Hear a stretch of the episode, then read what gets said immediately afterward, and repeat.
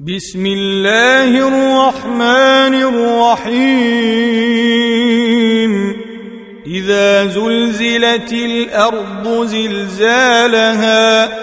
وأخرجت الأرض أثقالها